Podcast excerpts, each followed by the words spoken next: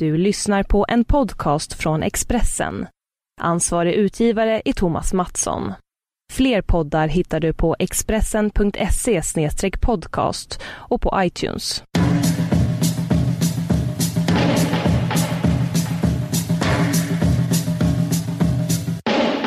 Hallå!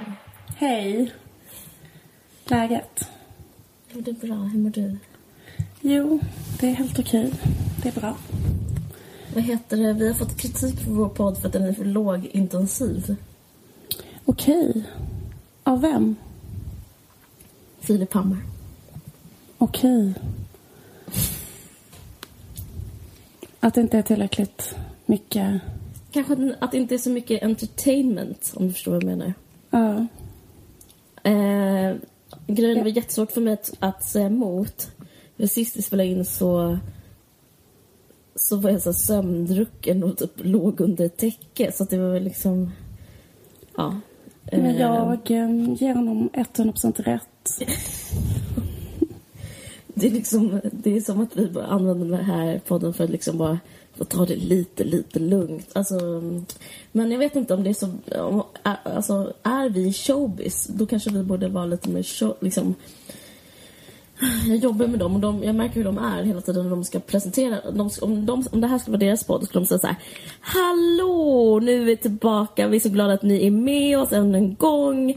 Och eh, det här är en ny podd. Ni lyssnar på en varje podd. Och eh, det är juni. Kan du förstå att det är juni?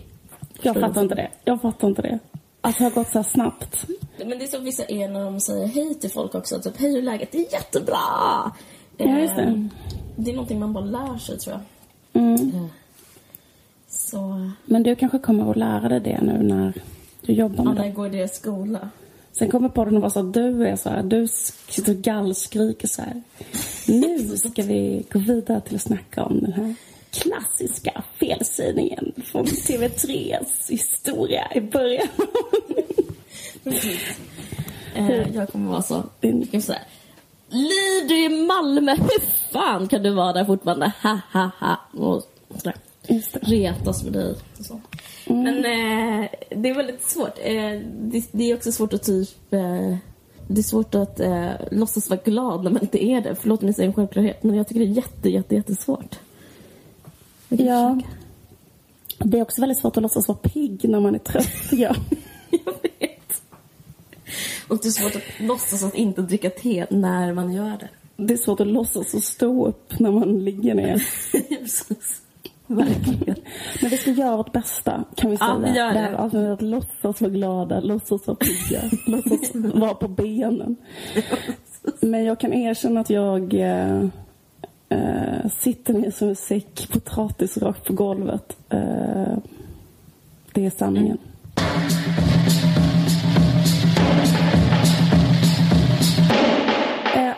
det här programmet med Ann Heberlein, det här Mina två liv? Ja! Eh, jag gillar, jag tycker Ann är så jävla bra. Eh, Hon är så himla... Jag vill att hon ska vara med mer i programmet. För varje gång hon är med så tycker jag att det är jättespännande. Hon är typ så här.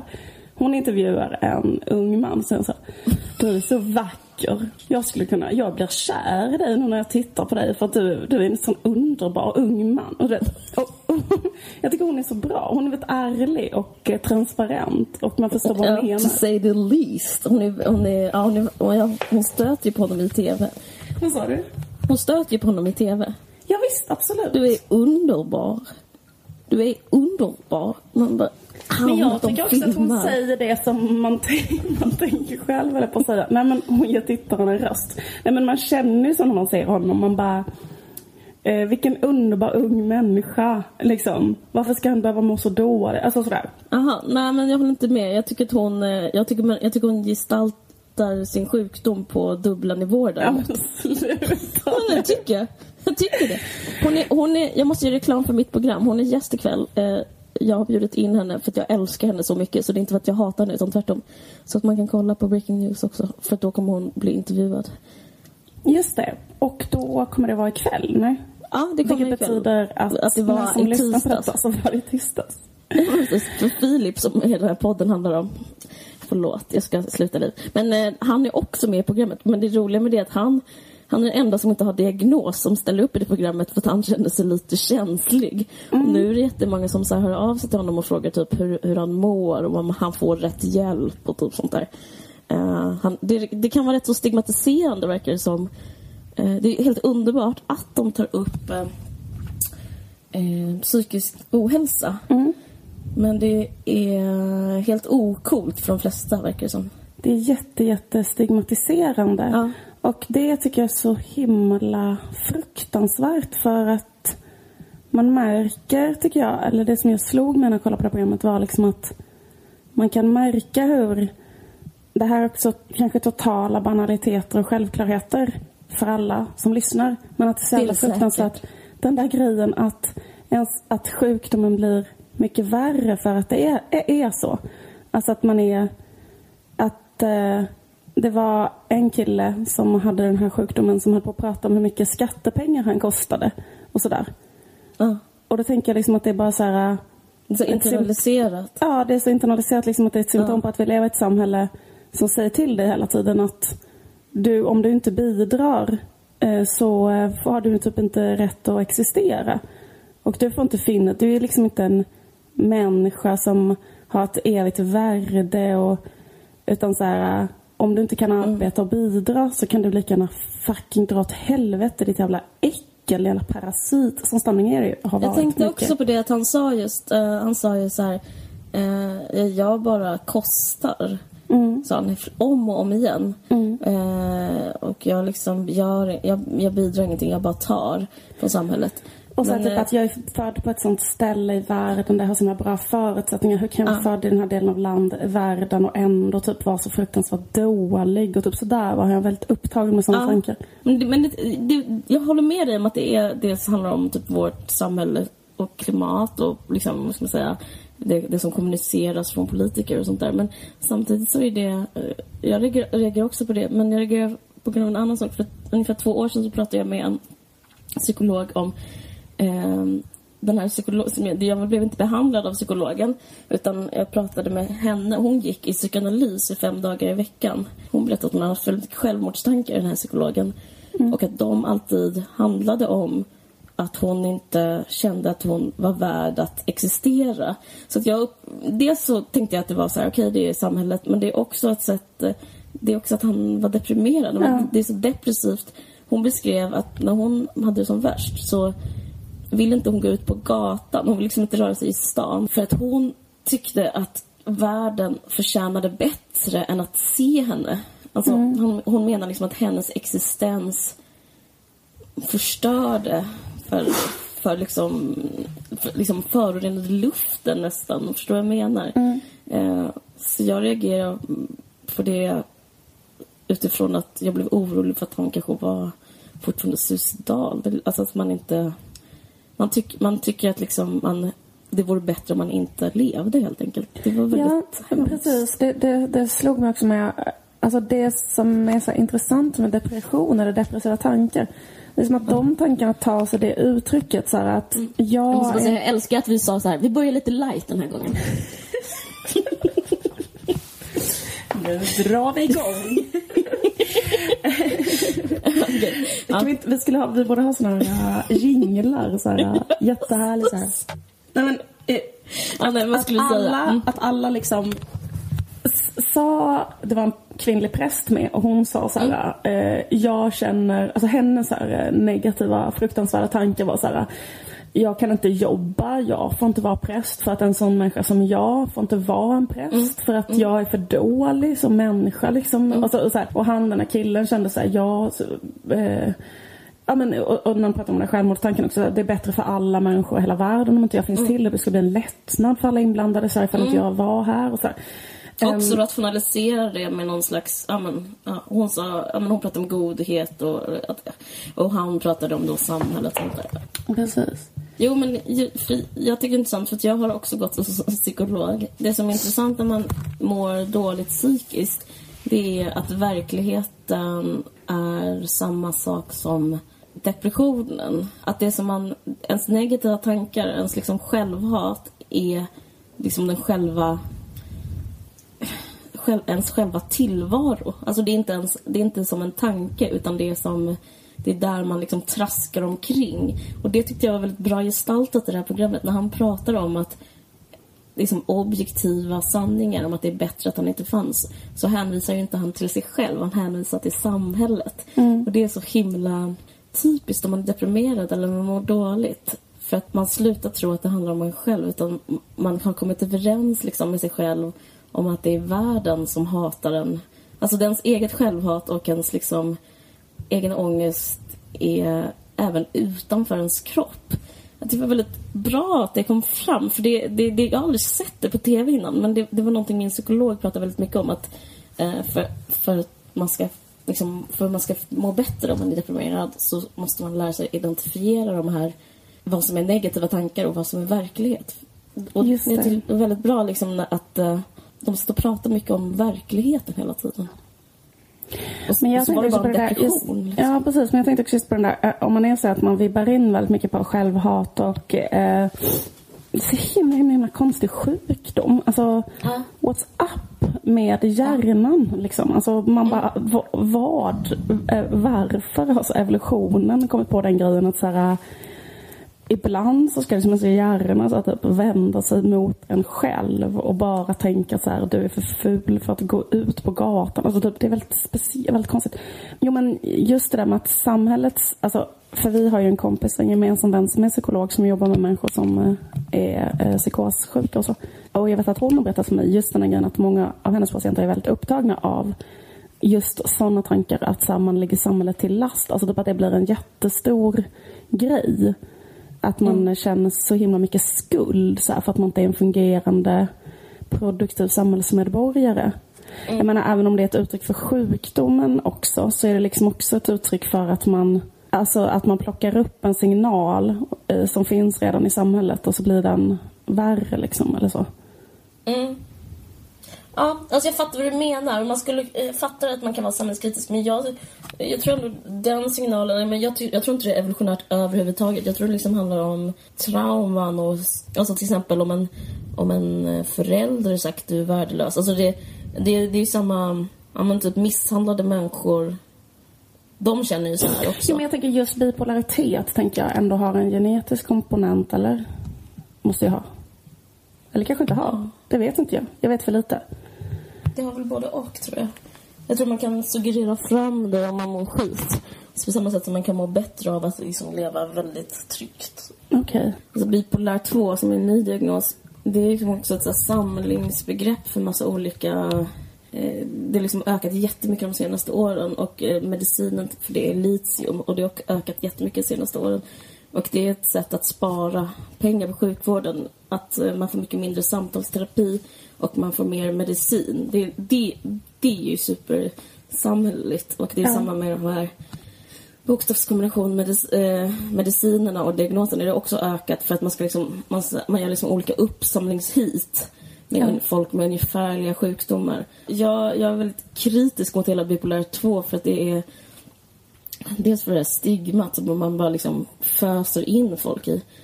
Alltså det har ökat med flera hundra procent bara liksom tio senaste åren. Det, det fanns liksom inte innan. Men ehm, det kanske kommer att handla om det. Eller kommer att handla om det? Kanske inte. det är så konstigt nu för att jag tycker att den var väldigt bra den här men sen så nu kommer jag säga en massa kritik bara känns som. Men jag upplever att den är väldigt eh, som min berättelse betonad. Alltså det här är jag, det här hände mig. Att det är liksom rätt så lite kontextualiserat. Det är bara så här, jag upplever det här, jag kände det här, jag mår så här. Mm. Det håller jag verkligen med om. Sen så måste en annan kritik och det är så att varje gång man ska gestalta psykisk sjukdom i rörlig bild typ så måste man kanske, alltså det är sån eh, klyschig estetik att de typ kanske filmar en tunnel och någonstans i tunneln så är det ljus och så är det så här noisigt, noisigt ljud, alltså typ som en sån ljudkonstverk där det hörs liksom atonala ljud och sen så får man release och då kommer man ut på en äng. Jag tycker det känns jättetrist att de inte kan så här att allt, att även det ska vara så här, eh, in, inne i boxen. Det skulle vara skönt att se en, en gestaltning av psykisk sjukdom utan den typ av estetik. Men hur ska man gestalta det då? Eh, det vet jag inte, men kanske göra något helt annat. För jag tycker just den där atonala ljud, är inte det rätt bra egentligen? Det är inte bara så det är så jävla klyschigt. Det känns ja, men jag, exakt så. Jag, jag, vet, nej, jag tycker inte det är bra. För varje gång det kom så hamnar jag ur... Då, då, då tappar de dig. De tappar mig. Då liksom börjar jag just så analysera formen på det. Jag filmar gosedjur. Jag vet inte, någonting som inte är tonala ljud. Då handlar det om incest, det vet vi.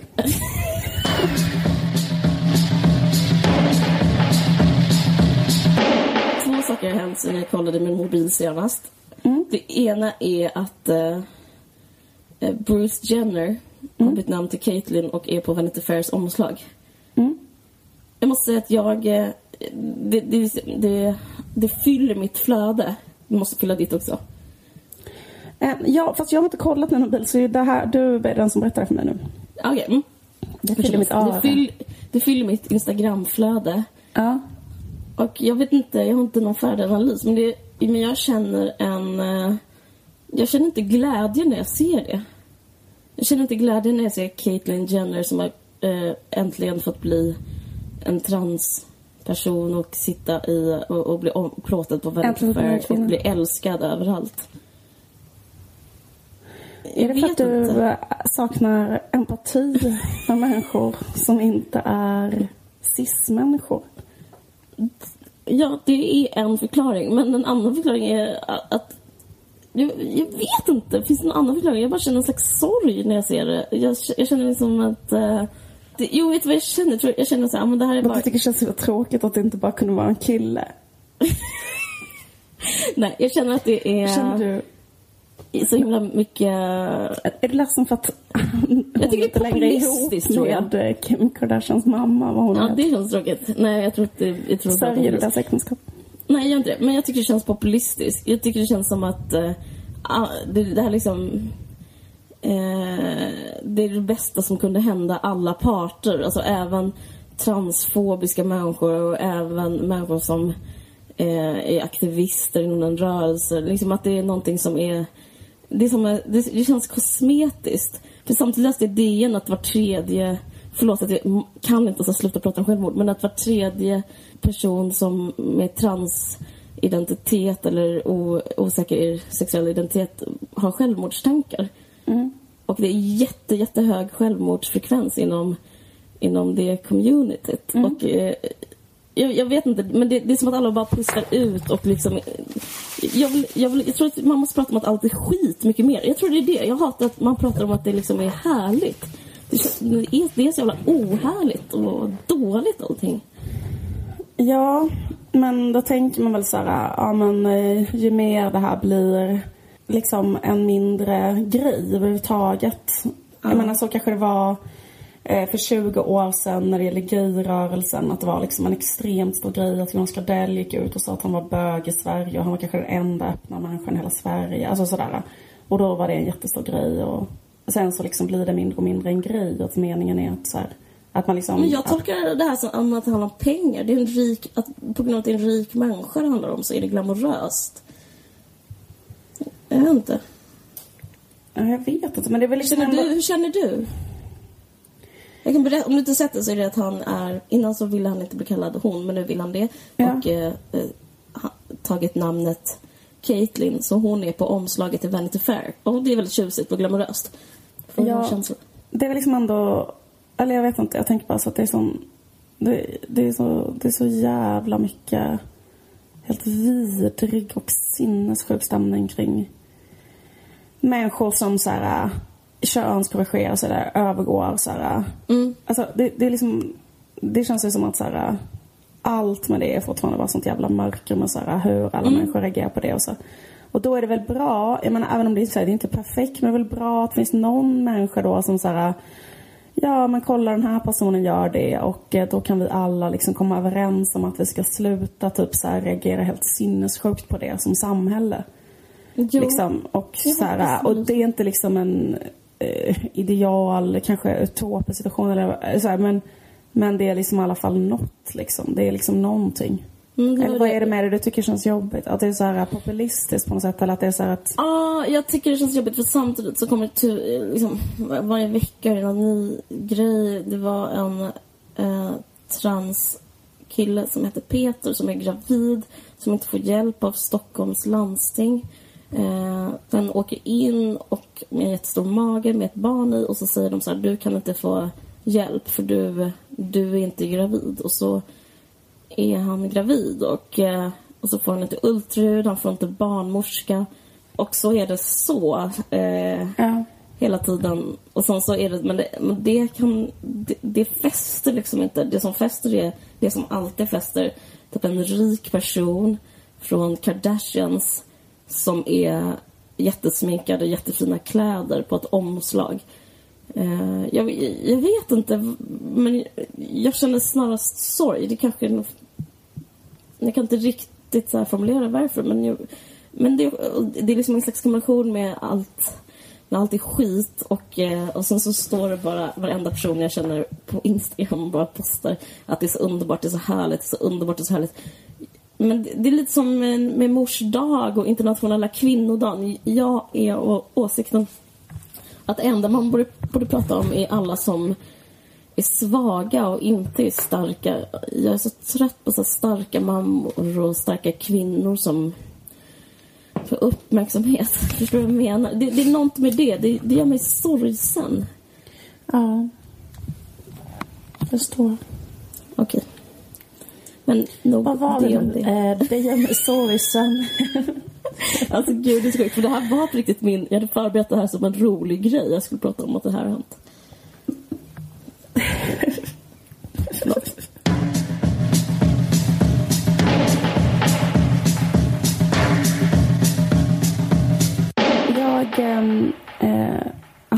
Ett, har ju ett barn, jag har två barn.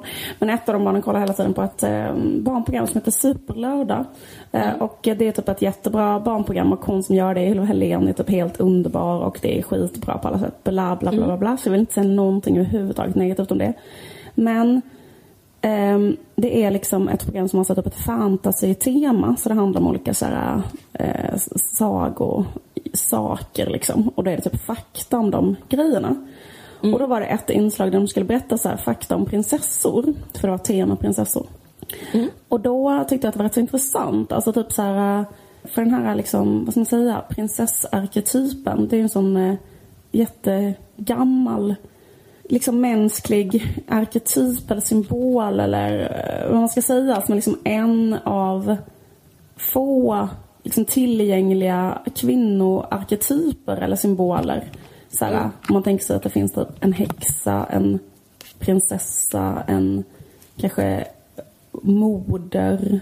Jag vet inte vad. Och det känns också som att prinsessan har varit liksom i så här kvinnorörelsen så har prinsessan liksom ofta fått spela någon så här roll av eh, bilden av prinsessan har varit så här att det är eh, någonting väldigt negativt. Alltså det är väldigt speciellt att man berättar för små flickor hela tiden en så här väldigt, väldigt, väldigt åldrad så här, eh, kvinnoroll och eh, bla, bla, bla, bla, bla. Men nu tänkte jag bara spela upp för dig hur eh, den här faktarutan om prinsessor var. Prinsessor. Så länge det har funnits sagor så har det funnits sagoprinsessor. Törnrosa, Snövit och Rapunzel för att nämna några. Den klassiska prinsessan väntar på sin prins. Och är han inte en förtrollad groda så kommer han ridande på en vit häst. Den här prinsessan är söt, vän och råkar oftast illa ut. Något som prinsen fixar på slutet. Sen så gifter de sig och så lever de lyckligt i alla sina dagar. Idag finns det, som tur är, andra sorters sagoprinsessor också. Som är smarta och verkligen inte sitter och väntar på att bli räddade. Det här är prinsessor med skinn på näsan som är modiga, coola och tänker själva. Och som utmanar drakar, trollpackor och annan ondska på löpande band. Jag vet inte, jag bara tyckte det var så lite intressant. För att här, när jag var liten så minns inte jag några direkta försök att, eh, att göra någon slags... För det, det de försöker göra här på Barnkanalen det är väl liksom att de försöker så här, göra liksom en feministisk uppdatering av den här grejen. Så jag tycker det är så intressant Try harder skulle jag säga. Ja, är det det de försöker? De Ja. försöker de. Ja. Man kan ju verkligen hitta mycket... Eh, jag känner nu, liksom, om vi ska, ska vi slakta henne? Jag vet inte om det känns rätt, men det är väldigt Nej, lätt nej, att göra jag, nej, alltså jag eh, vill absolut inte slakta henne för att jag tycker typ att hon är svinbra. Hela programmet är skitbra. Så här. Det var bara mm. det pyttelite. Det är kanske inte ens hon som har skrivit det. Jag vet själv hur det går till när hon spelar in här grejer. Man bara skriver något skit liksom. Men, men det som jag tycker, så jag, jag tänker liksom så här, man behöver inte ta just det här. eh, Men jag tycker det här är ändå liksom, vad ska man säga? Det är liksom ett tecken Eh, det liksom signalerar någonting som, som händer ganska mycket just med när det gäller kanske feminism eller, eller barnkultur eller så. Jag tycker det, det finns någonting som är så jävla, så jävla djupt sorgligt med det här kvinnoidealet som är så här det ska inte behöva någon annan typ. Alltså det är fel till exempel att vara beroende eller att eh, bli räddad eller att så här, behöva en annan människa eller något sånt där. Eh, att det är något med det som är så himla nästan nyfascistiskt. Förlåt, jag ska använda sånt. Ja, absolut. Jag fattar vad du menar. Men jag tycker, ja, jag tycker, jag reagerar på mest att det är, liksom, det är så borderline att dela upp eh, det behovet att vilja bli räddad eller att kunna connecta med en annan människa och att eh, kanske kunna gå till jobbet. Alltså jag tycker det är väldigt, om man nu ska modernisera vad man pratar om, att det finns prinsessor som är duktiga och kan fixa saker själv. Om att, att, det ska vara en, att det är två olika genrer. Jag tycker det säger Ja. något om samhället, att allt är så polariserat. Det är som en debatt som hon för där på något sätt. Att antingen är det ena eller så är det andra. Eh, varför inte vara holistisk och låta allting bara eh, flätas samman i en härlig organism där man är beroende och eh, samtidigt kompetent. Det, det är så väldigt konstigt att man ska att det finns söta passiva personer och så finns det folk med skinn på näsan som, Som är coola och tänker själva. Ja. Men, men, men jag reagerar definitivt också på att hon sa ordet skinn, eller det här uttrycket skinn på näsan. Det är ju sinnessjukt. Att det är ett fult uttryck. Nej, men att man säger så bara till kvinnor. Ja. Det är sexistiskt, tycker, jag. tycker inte du det? Jo. Typ Kajsa Kavat, för att eh, det kan bara existera i patriarkat. Liksom. Ja. Nej, men, Absolut. Men det kändes ju som att, så här, eller jag vet inte om man ska prata om så här, eh, på ett större plan, och så här, varför man har så svårt att hantera den här eh, beroendet och passiviteten. Eller varför det är nästan så här, det, det är nästan så det mest så tabubelagda som finns typ i, i samhället idag. Tänk att vara så passiv och beroende, bara. Ja. Alltså jag tänker som, eh, för det som de här sagorna berättar väldigt mycket, eller den det är ju så här, de här kvinnorna befinner sig i så total passivitet. Alltså Törnrosa sover ju i hundra år och eh, allting somnar runt omkring henne också så att allting liksom bara läggs ner på något konstigt sätt. Och eh, eh, eh, även Snövit är ju i, hur länge som helst bara i någon slags dvala då.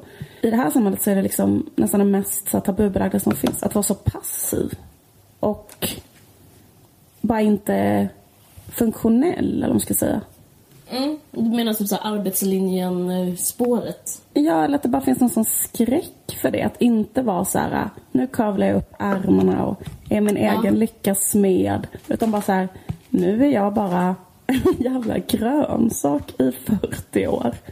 Det, Ja. det finns ju liksom Låg inget... status. Vad sa du? Ja, låg status. Ja, det är så här, nästan som en omgärdas nästan av skräck, liksom den tanken. Så här. Ja. Och ehm, jag vet inte vad jag ska säga om det egentligen. Det är bara rätt så intressant tycker jag. Det är som att den, det får, då får, det får nästan inte finnas, det får nästan inte finnas den typen av Nej. liksom improduktiva passivitet och beroende. Men jag tänker att det är så här viktigt. Att de finns. Ja. Eh, Alltså, jag jag tycker- fattar vad du menar.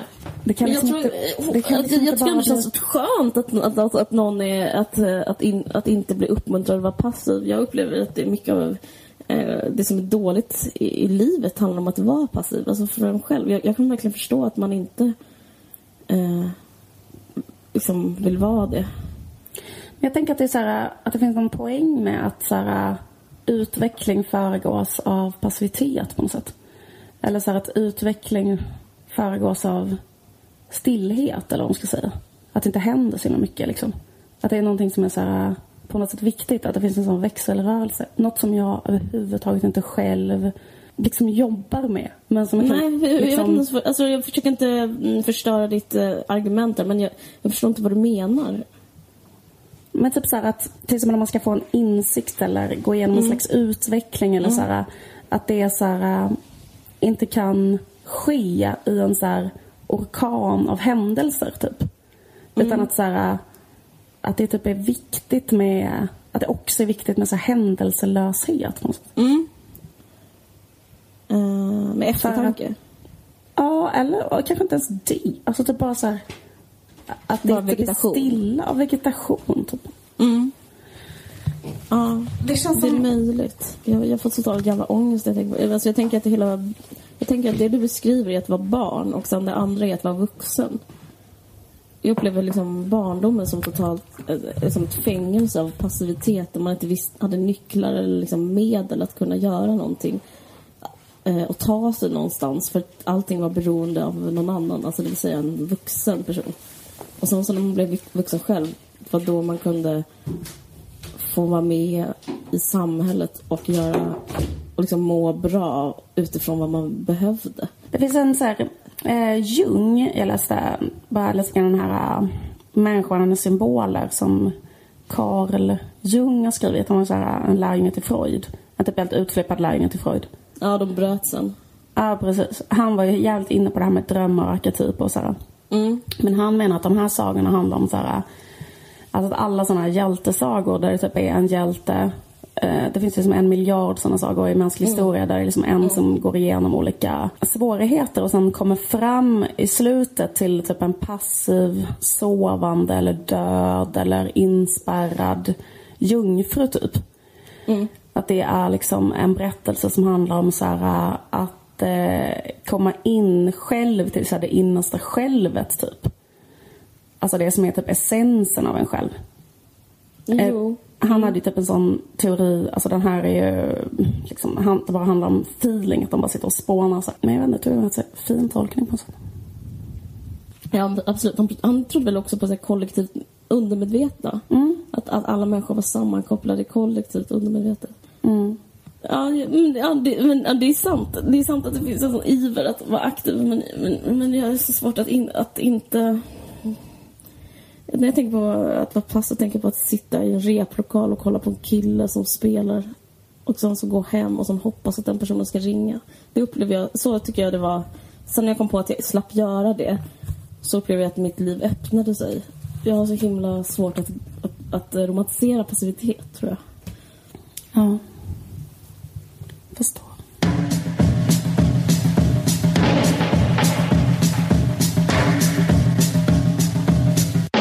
Jag är gravid och eh, det, är så, det är så roligt att vara gravid i Stockholm för att det är... Eh, det kanske är så på andra ställen också men eh, i Stockholm, Stockholm brukar bli beskrivet som ett, eh, äng, en ängslig plats. Liksom. Eh, där all, typ, när folk från New York kommer hit som skriver om en artikel så är det att alla var snygga och, och alla hade likadana kläder. Eh, typ sådär. Och samma är med eh, att vara gravid i Stockholm. Att det är liksom exakt samma grej. Att, det, att man, man kan vara det på ett sätt... Och det är så konstigt för det är liksom en biologisk grej att vara. Det är liksom har man varit ända sedan män, människan fanns. Alltså det är typ att eh, man ligger med någon, det är ett och så sen det så... är så det går till. Och sen så, och det är så himla evigt. Det är så episkt att vara gravid. Men... Eh, men i Stockholm så är det liksom, kan, kan man vara det på ett trendigt sätt. Och jag känner mig så pinsam. Det finns liksom ett, på samma sätt som det finns olika så här coola café och barer och typ klädaffärer man kan gå till om man är en hipster så finns det också nu ett så här, BB man kan gå till om man är hipster. Ja. Och det heter Södra BB. Och eftersom jag bor i Stockholm och jag är så ängslig så går jag självklart dit. Och fast jag tycker det är töntigt så är jag på det här BB't och det fungerar på exakt samma sätt som så här hipster-exkludering fungerar. Det är liksom att man ska vara på en lista. Det är bara vissa som får vara med och eh, man, man, man får tillgång till det via kontakter. Och eh, de har väldigt få platser. Alltså det fungerar exakt som typ trädgården, att få ett kort på trädgården. Och det ligger jättenära trädgården också. Eh, ja, och, eh, Sen så är det också det här fascistiska draget som också finns på så här klubbar i Stockholm. Är eh, att man ska vara snygg och då kommer man in och före kön. Exakt så är det här också. Här har de liksom vad de kallar en sundhetsprincip. Det betyder att om du blir minsta sjuk på något sätt, så att du har diabetes eller att du har en, eh, ja men någon sån här track record av någon jävla sjukdom. Alltså hiv har, är liksom är hundra, på hundra mils avstånd men även sådana sjukdomar som kanske reumatism och epilepsi. Om man har någon sån sjukdom, då har man inte där att göra. Alltså, man får inte helt enkelt komma in. Man måste göra en undersökning för att vara med på det här BB. Och det här är en slags humble brag att säga att jag är det. Men jag, jag är 100% frisk och jag får komma in dit. Så att jag har börjat gå på det här BB. Vilket är det sjukaste stället jag någonsin varit på. Det är liksom verkligen den Men, men får jag negativa... bara förklara? Ja. Det här med att man måste vara frisk, det beror Ja. på att de inte har läkare där. De har ingen läkare där för att de, de är så himla påverkade av den här trenden av att Naturligt födande.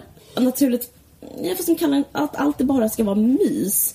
Allt ska vara som en sån riktigt bra café. Ja. Eh, Men så typ de- såhär, det är liksom det som är deras, det argumentet är inte såhär vi, vi hatar sjuka människor utan det är såhär vi, på det här BB't så har inte vi eh, special, eh, liksom för riskgraviditeter, vi har inte den specialkompetensen. typ. De har faktiskt inte sagt det ena eller det andra. De angav inga skäl. De, de bara... Men det är möjligt att det är därför att de inte har läkare.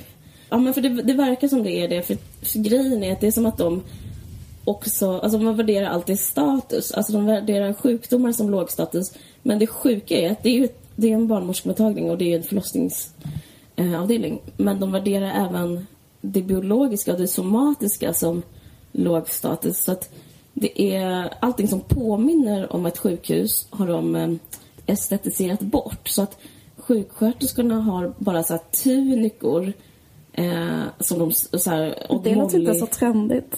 Nej, jag vet. Men det, är det, det, det är som grejen. Det är trendigt så här, inom sjuksköterskevärlden att man har en riktigt fit kropp med en Odd Molly-tunika på.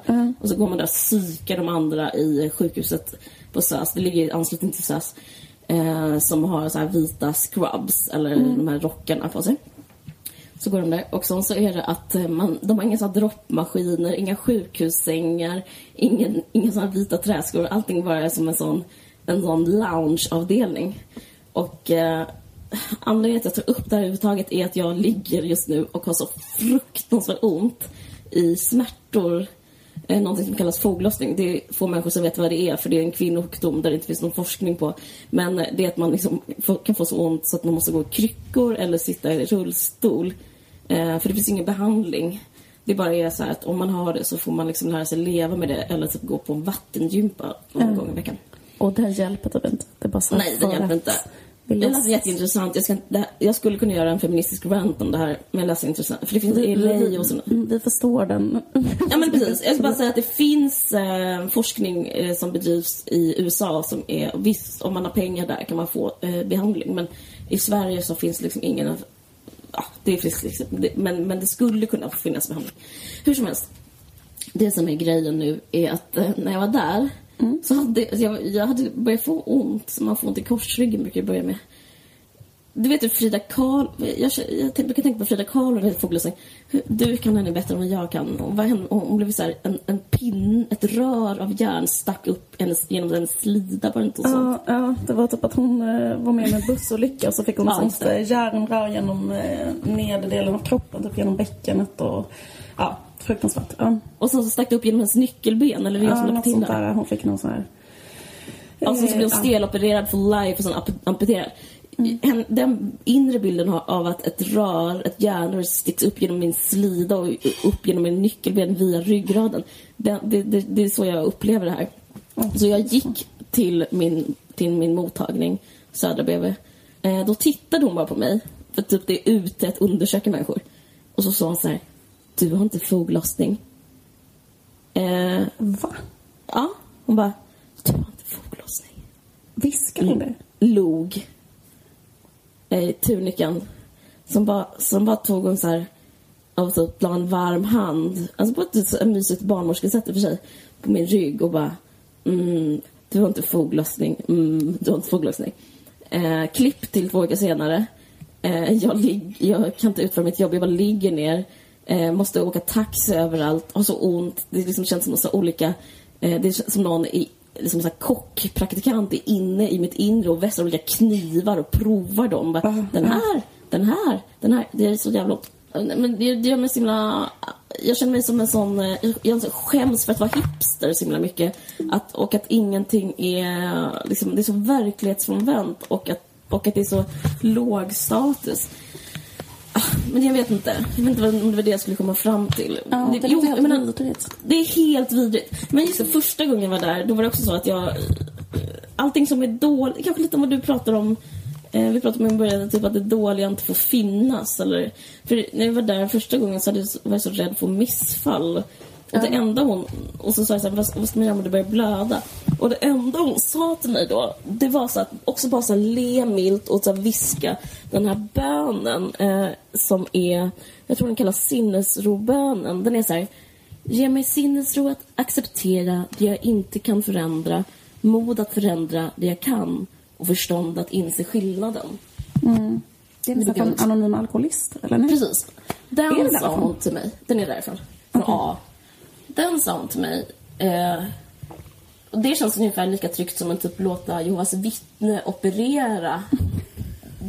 Man bara, vad, vad menas? Så, typ, som, så typ om ett blod skulle börja forsa skulle hon bara så här, ge mig mod att eh, acceptera det jag inte kan förändra. Alltså det är ingen så här kristen bön som handlar om att man bara ska vara helt jag menar, apropå passiv, man ska vara helt passiv och bara låta saker ske. Vilket jag, inte, jag tycker inte det hör hemma på ett sjukhus. Och det är samma med den här min foglossning nu som bara håller på som en sån järnrör och som blixtrar smärta i mig. Eh, det är helt sjukt att jag ska bara acceptera det jag inte kan förändra. Jag, jag ligger här med någon konstig sjal eh, runt kroppen och, och bara... Typ, jag vaknade i morse och grät av smärta. Ja. Jag vet inte, det, bara, det bara känns som en sån... Eh, jag, blir så, jag blir så äcklad av det här så ekologiska tänkandet som hon håller på med. Eh, men, det är inte, men samtidigt det är inte hennes fel. Det är liksom en helt... Det är liksom en sån här stämning i samhället vad som är... Och det är, liksom, det är någonting med de här hipstersna att det är så här fel att gå till sjukhuset. Man ska gå så här till så här myssjukhuset istället. Och sen så är det någonting med hur man ser på kvinnor. Jag har läst på jättemycket nu och man kan, man kan förhindra foglossning genom att göra olika träningar. Till exempel träna upp bäckenmuskulaturen och inre, inre ryggmuskler och inre magmuskler. Och det kan man göra genom knipövningar. Men det, det får man liksom inte reda på. Men så här är det med att, att bo i ett patriarkat. Att killar är inte så intresserade av det. Men de är intresserade däremot av sex. Eh, som också har med typ bäckenet. Så att, typ- och det är så himla sorgligt. Jag tyckte det var så tydlig bild när vi var på den där vi var på det där sexleksakspartyt. För då var det så att Från tidigare avsnitt av ja, precis. Då var det att alla kvinnor där Ja. jag säger inte om du eller inte gjorde det, men då, väldigt många kvinnor, inklusive dig själv, var så här, köpte knipkulor. Och det, så, det säger något om samhället tycker jag, att eh, för att kunna få liksom lite, lite behandling och lite så här preventiva övningar för att kunna eh, träna sin, sin bäckenbotten så måste man gå till en jävla sexshop. Eh, för det finns, det är liksom enda, det är, det är då så killarna som styr all produktion bryr sig. Man kan liksom inte få det på ett sjukhus. Jag är så jävla- är så sur. Ja. Eh, men det... Jag ja, vet, det är liksom- helt vidrigt. det är helt vidrigt. Det är så och nu har jag fått den det- där... Jag har en så konstig så här, ro, jätte så här, chockrosa kula så, eh, som man ska stoppa in i slidan som kallar The Dukes. Det är två stycken, alltså typ så här, vad, är Duke på svenska? Greven? Ja, då ska man stoppa in greven i... Eller något sånt. Ja, så här, ja, precis. Ska man stoppa in greven i slidan för att slippa ha typ eh, känslan av att det blixtrar av smärta för att man eh, går till ett sjukhus som älskar friskhet och inte sjukdom. Jag bara tycker det är så hemskt. Eh, men jag vet inte om jag ens har en... jag, har, jag vet inte om jag har en poäng med det här. Jag, bara, jag vill bara säga att det är helt fucked up och folk måste börja forska på kvinnosjukdomar.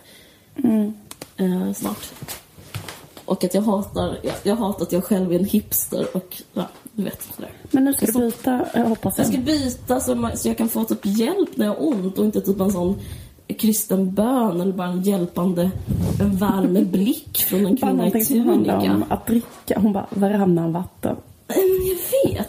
ja, det är också en del av det här att man ska vara så lyckad när man går där. Och hon berättade också att det var väldigt många mediemänniskor som går på Södra BB. Ja, det är väldigt kul alltihopa. Men, ja. Nej, men det är väldigt speciell uh, miljö. Överhuvudtaget. Ja. Alltså jag hade så här typ ett samtal med en barnmorska, kommer jag ihåg, som stirrade på mig och sa så här. När du dricker, om du skulle dricka när du var gravid, då är det som att ditt, ditt foster skulle simma omkring i alkohol. Och så här, jag, är själv, jag är en humanist, jag vet ingenting om naturvetenskap. Men jag fattar ju att det jag dricker inte byter ut fostervattnet. Alltså, eller jag vet, eller jag vet inte. Ja men visst, alltså, eller, Men det är så himla konstigt. Är då allting jag dricker hamnar i fostervattnet? Alltså typ, då måste man ju också även för typ blåbärssoppa. Balja och olika filmjölk och... Nej men det är klart ja, men vad som helst. Nej men typ sådana grejer. Och bara stå och stirra på mig så här gråtfärdig försöka förklara för mig att jag inte vet vad, men jag, jag, jag kommer inte att dricka så att det är lugnt liksom. Men du behöver inte så hitta på den här jättekonstiga grejen att se, visualisera mitt foster simmande i en gin och tonic. Nej, jag fattar. Nej, det är vidrigt. Och det var helt vanlig sjukvård så att... Uh.